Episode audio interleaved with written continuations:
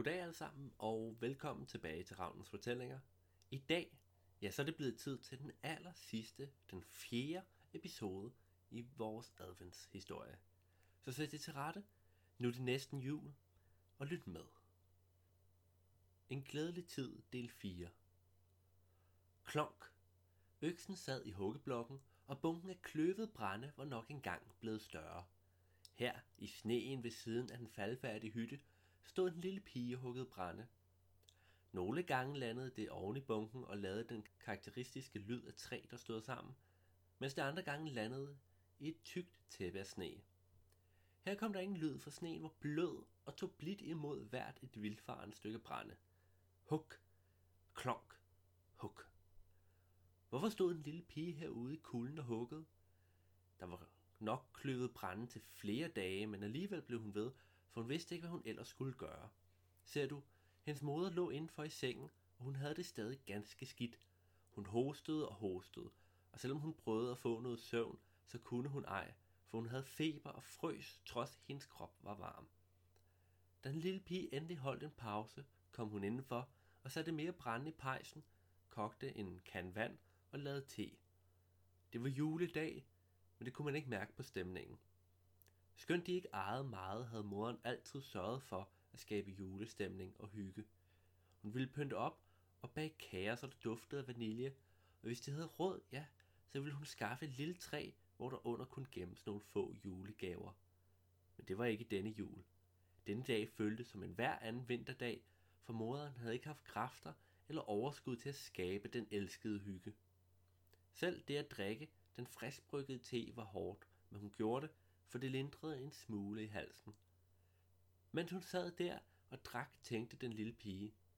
Hun ville så gerne give sin moder gaven, men det var ikke tid nu. Hun måtte vente et par timer mere. Hun kunne ikke andet end at vente og passe på hendes moder, præcis som hun havde gjort de sidste par dage. Jo mere hun tænkte over situationen, jo mere trist blev hun, og snart fældede hun nogle tårer, noget som moderen, trods sin syge tilstand, straks opfattede. Hun hæv sin datter ind til sig og gav hende et langt og varmt knus og græd selv en smule. Så kæmpede moderen sig op og stå, og du kan nok tro, det var svært, for hun kunne knap nok holde balancen. Men hun gjorde det. Hun pakkede sig ind i det varmeste tøj, hun havde, og fandt et gammelt rødt halsterklæde frem fra skabet, som hun tog på. Selvom det var svært, ville hun gerne gå tur, for hun elskede sådan at se byen være pyntet op til jul. På juledag blev alle træerne tændt, og det var altid så smukt, så smukt. Den lille pige kunne for første gang i flere dage smile igen. Selv hvis moderen kun kunne holde ud et par timer, var hun glad for at kunne julehygge med hende. Da hun selv havde taget varmt tøj på, tog moderen hendes hånd, og sammen gik de ud på eventyr for at se, hvad juledag havde at byde på. Mellem husene, højt over gaderne, var der pyntet med granddekorationer og rødt bånd.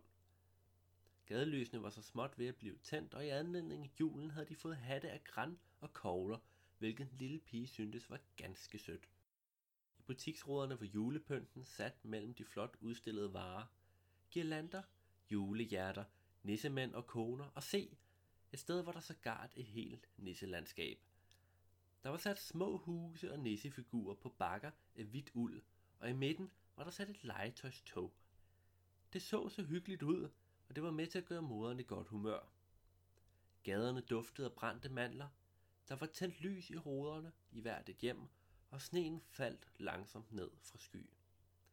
Det kunne godt være, at moderen ikke havde mulighed for at skabe julestemning derhjemme, men så kunne de nyde den ude i byen, og det gjorde de så sandelig også. Efter at have vandret i et stykke tid, kom en lille pige og hendes moder til markedspladsen. Julemarkedet var åbent lidt endnu, men det var ikke derfor, de var kommet. Nej, de var kommet for at betale det mægtige juletræ, der stod i midten. Tænk sig, det var højere end deres hjem, og så flot var det pyntet. Med røde og gyldne bånd, med kugler af alverdens farver, og med en mageløs stjerne på toppen.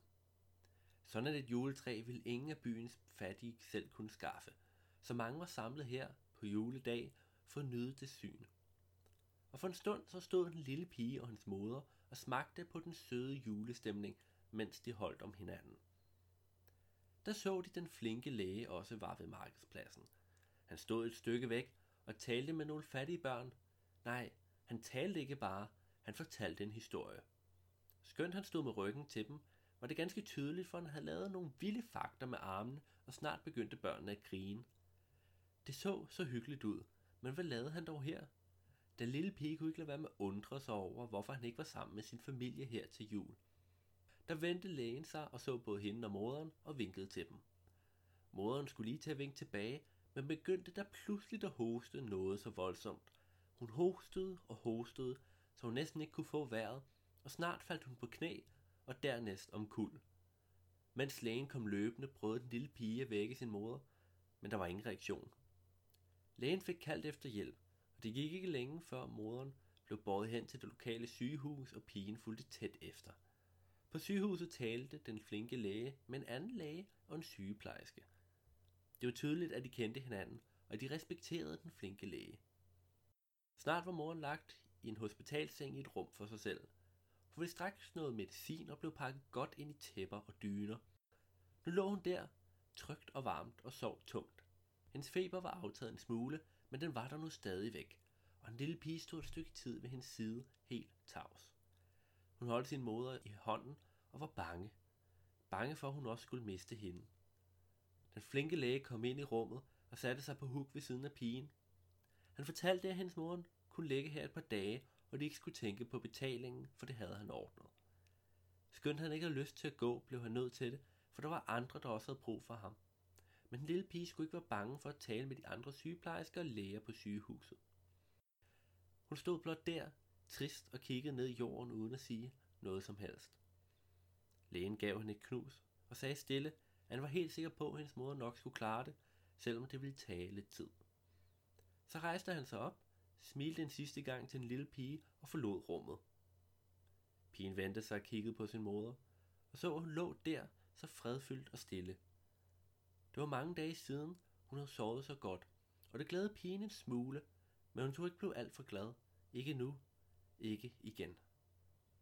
Der var intet at gøre her, så hun tog sit overtøj på, kyssede sin moder på hånden, og på kinden, og på panden, og gik udenfor i vinterkulden. Mørket var faldet på, og juledag var blevet til juleaften. Sygehuset lå lidt uden for midten af byen, og der foregik ikke så mange festligheder her, selvom der var lige så fint pyntet op som i alle de andre gader og stræder.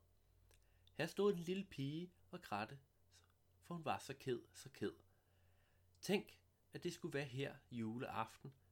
Der ville ikke blive nogen jul, det var helt sikkert. Måske ville hendes mor sove hele tiden, og så kunne hun ej få sin gave. Den gave? Åh, hvis hun dog bare havde givet den tidligere, så havde hun måske kunnet holde moderen mere varm, så hun ikke var faldet om. Hvis hun dog bare havde arbejdet lidt mere og været lidt bedre til ikke at miste sit arbejde, så ville hun have haft råd til både brænde og det mageløse tæppe, hun så gerne ville give. Oh, hvis dog bare hun var en bedre datter. Det var sikkert hendes skyld, at moderen var blevet syg, for hun arbejdede altid så hårdt på krogen for at skaffe penge nok til mad og tøj. Nu er det hendes skyld, juleaften var ødelagt. Hvis dog bare... Men mere noget den lille pige at tænke, for der kom et velkendt skikkelse rundt om hjørnet. Det runde ansigt, de rare øjne. Men sanden, om det ikke var den smukke dame, der havde besøgt julemarkedet alle de uger siden. Hvad lavede hun dog her? Da hun så den lille pige, smilede hun først, men smilet blev hurtigt gemt af vejen, da det gik op for hende, hvor ked pigen var. Hun skyndte sig hen til hende og spurgte, hvad der dog var galt, og efter den lille pige snøftende fortalte, hvad der var sket. Nå, lille pus dog, sagde den smukke dame og gav hende et langt knus. Da krammet endelig var over, skulle den lille pige til at sige tak. Men inden hun nåede det så, ja, tro det leg, kom der flere kendte ansigter til. Først var det den flinke hjemløse mand, hun havde givet brød, og dernæst var det drengen, hun havde reddet fra jernbanen. De sluttede sig til den smukke dame og lyttede begge, mens den lille pige genfortalte, hvad der var sket. Jamen dog. Den hjemløse, den smukke dame og drengen kiggede på hinanden. De kunne ikke lade det stå til, at pigen havde så trist en jul. De skulle alle selv hen til nogen og holde juleaften om nogle timer, så de havde ikke meget tid, men måske kunne de godt nå at skabe julestemning alligevel.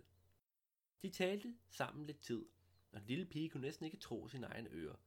De ville komme med ind på hospitalet til hendes mor og fejre jul i lidt tid. Så venlige de var.